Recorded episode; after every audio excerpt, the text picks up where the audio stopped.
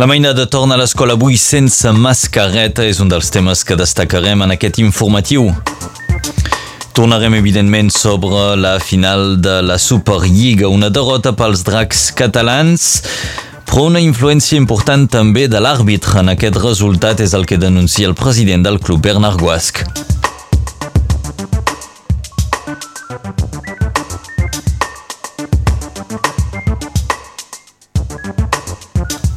Des de ja fa uns dies es van eh, denunciant la desaparició de la senyalització en català a les entrades de la vila de Perpinyà. És un de fet que denuncien organitzacions i partits polítics. La Generalitat de Catalunya acaba de crear l'oficina del Pla Pilot per implementar la renda bàsica universal. Són alguns temes que tractarem doncs a continuació amb l'informatiu del dia.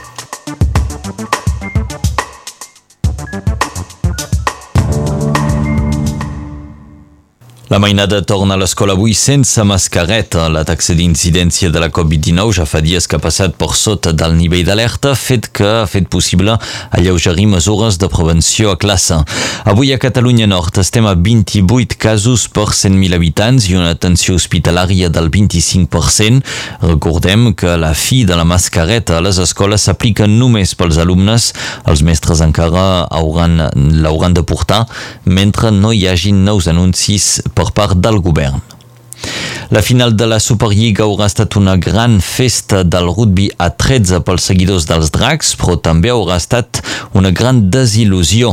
Els dragons i centelens han jugat un partit molt ajustat i fins als últims instants la balança podia anar d'un costat com de l'altre. Malauradament pels catalans són els anglesos qui han acabat guanyant el maig, gràcies potser a les decisions arbitrals. En tot cas, això és el que denuncia el president dels dracs, Bernard Guasc, després d'haver vist les imatges del partit. Segons el president, un jugador anglès hauria hagut de ser expulsat per un cop de puny als primers minuts del maig i una altra decisió polèmica seria quan eh, una pilota va ser jugada fora dels límits del terreny de joc per Centelens. Són algunes decisions arbitrals que denuncia Bernard Guas, que assegura que no jugarà cap més final de Superliga mentre no hi hagi tres àrbitres australians al terreny de joc on han passat els panells de senyalització en català a les entrades de Perpinyà. És una qüestió que ha sorprès molta gent en les darreres setmanes. Els panells en català de, amb el nom de la vila de Perpinyà han desaparegut sense cap explicació per part de l'Ajuntament liderat per l'extrema dreta. Diversos partits i organitzacions han alertat d'aquest fet. Unitat Catalana denuncia una política de descatalinització progressiva de la vila per part del Vall Louis Alió. UIOP català assegura que no acceptarà hauran de ser esborrats i manipulats al nostre propi territori. Fins ara l'Ajuntament de Perpinyà no ha donat cap explicació oficial a la desaparició de la senyalització en català a les entrades de la vila. El control de la velocitat a les carreteres serà més estricte a partir de l'any vinent. El govern francès ha anunciat que desplegaran vehicles radar privats a la regió a partir del 2022.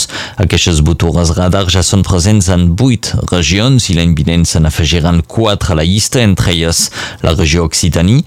La gestió d'aquests vehicles anirà a càrrec d'empreses privades amb l'objectiu d'alliberar temps a les forces de l'ordre perquè es dediquin a tasques més qualificades com ara els controls controls d'alcoholèmia i de drogues.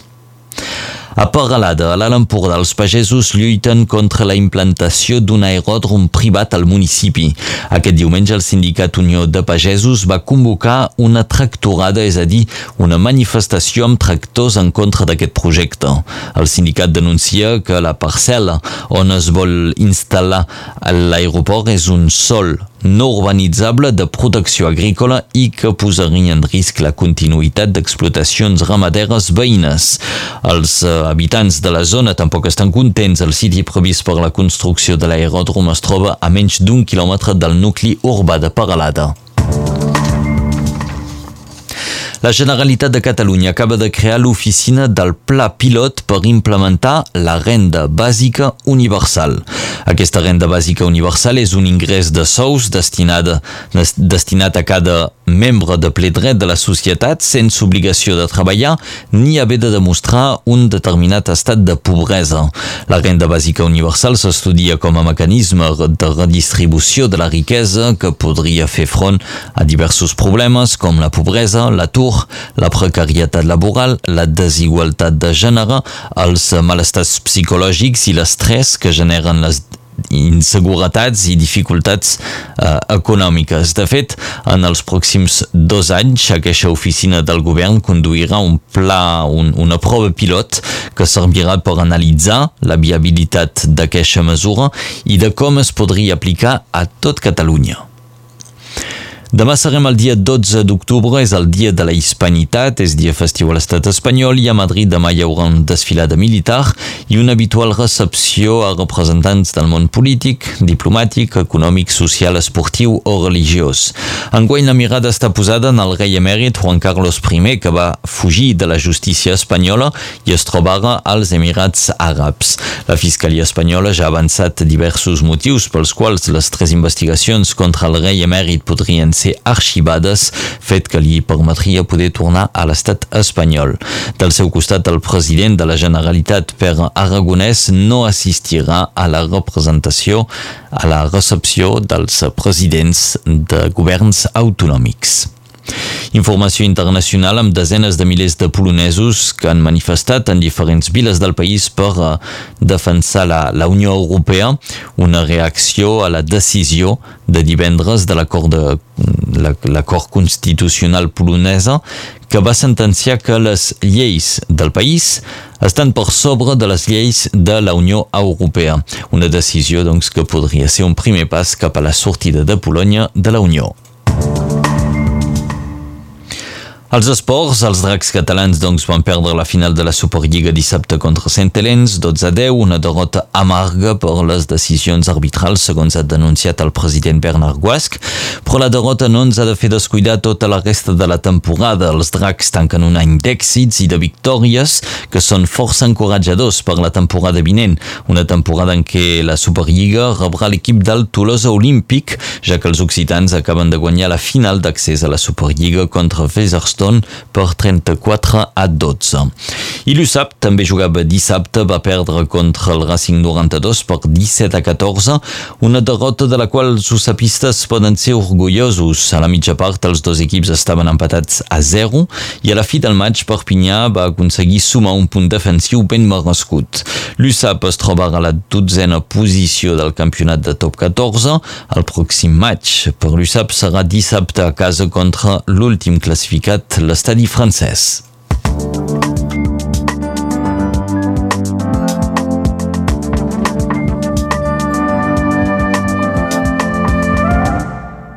Quin temps ens espera avui? Sembla que sigui una dolçor que s'imposi al llarg de tot el dia. Ens ho acaba de confirmar l'Enric Balaguer.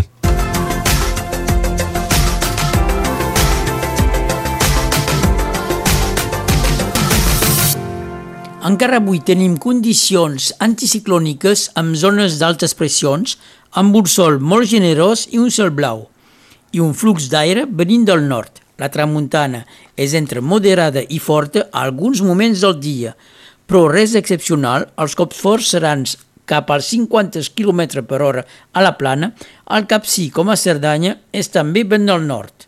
Les ventades de l'octubre porten els ocells i maten la ruga.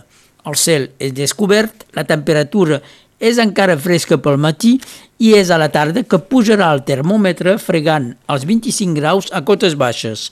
Esperem 19 a Ur, 17 a Montlluís, 16 a Toès, 23 a Marquixanes, a Pesià i a Colliure, 24 a Santa Coloma, Torrelles, Banyul dels Aspres i Arles, 20 a Pras de Molló, 22 a Taltaull i 21 a Prunyanyes. El cel desapareix al coll de la Perxa a les 19 hores i 18 minuts. L'11 d'octubre de 1896 a Montserrat estrena El cant de la Senyera. L'11 d'octubre de 1885 neix el futur Premi Nobel de Literatura François Mauriac. moren el mateix dia de 1963 l'artista Jean Cocteau i Edith Giovanna Gassion, coneguda sota el nom d'Edith Piaf. Avui és Sant Fermí i Santa Soledat.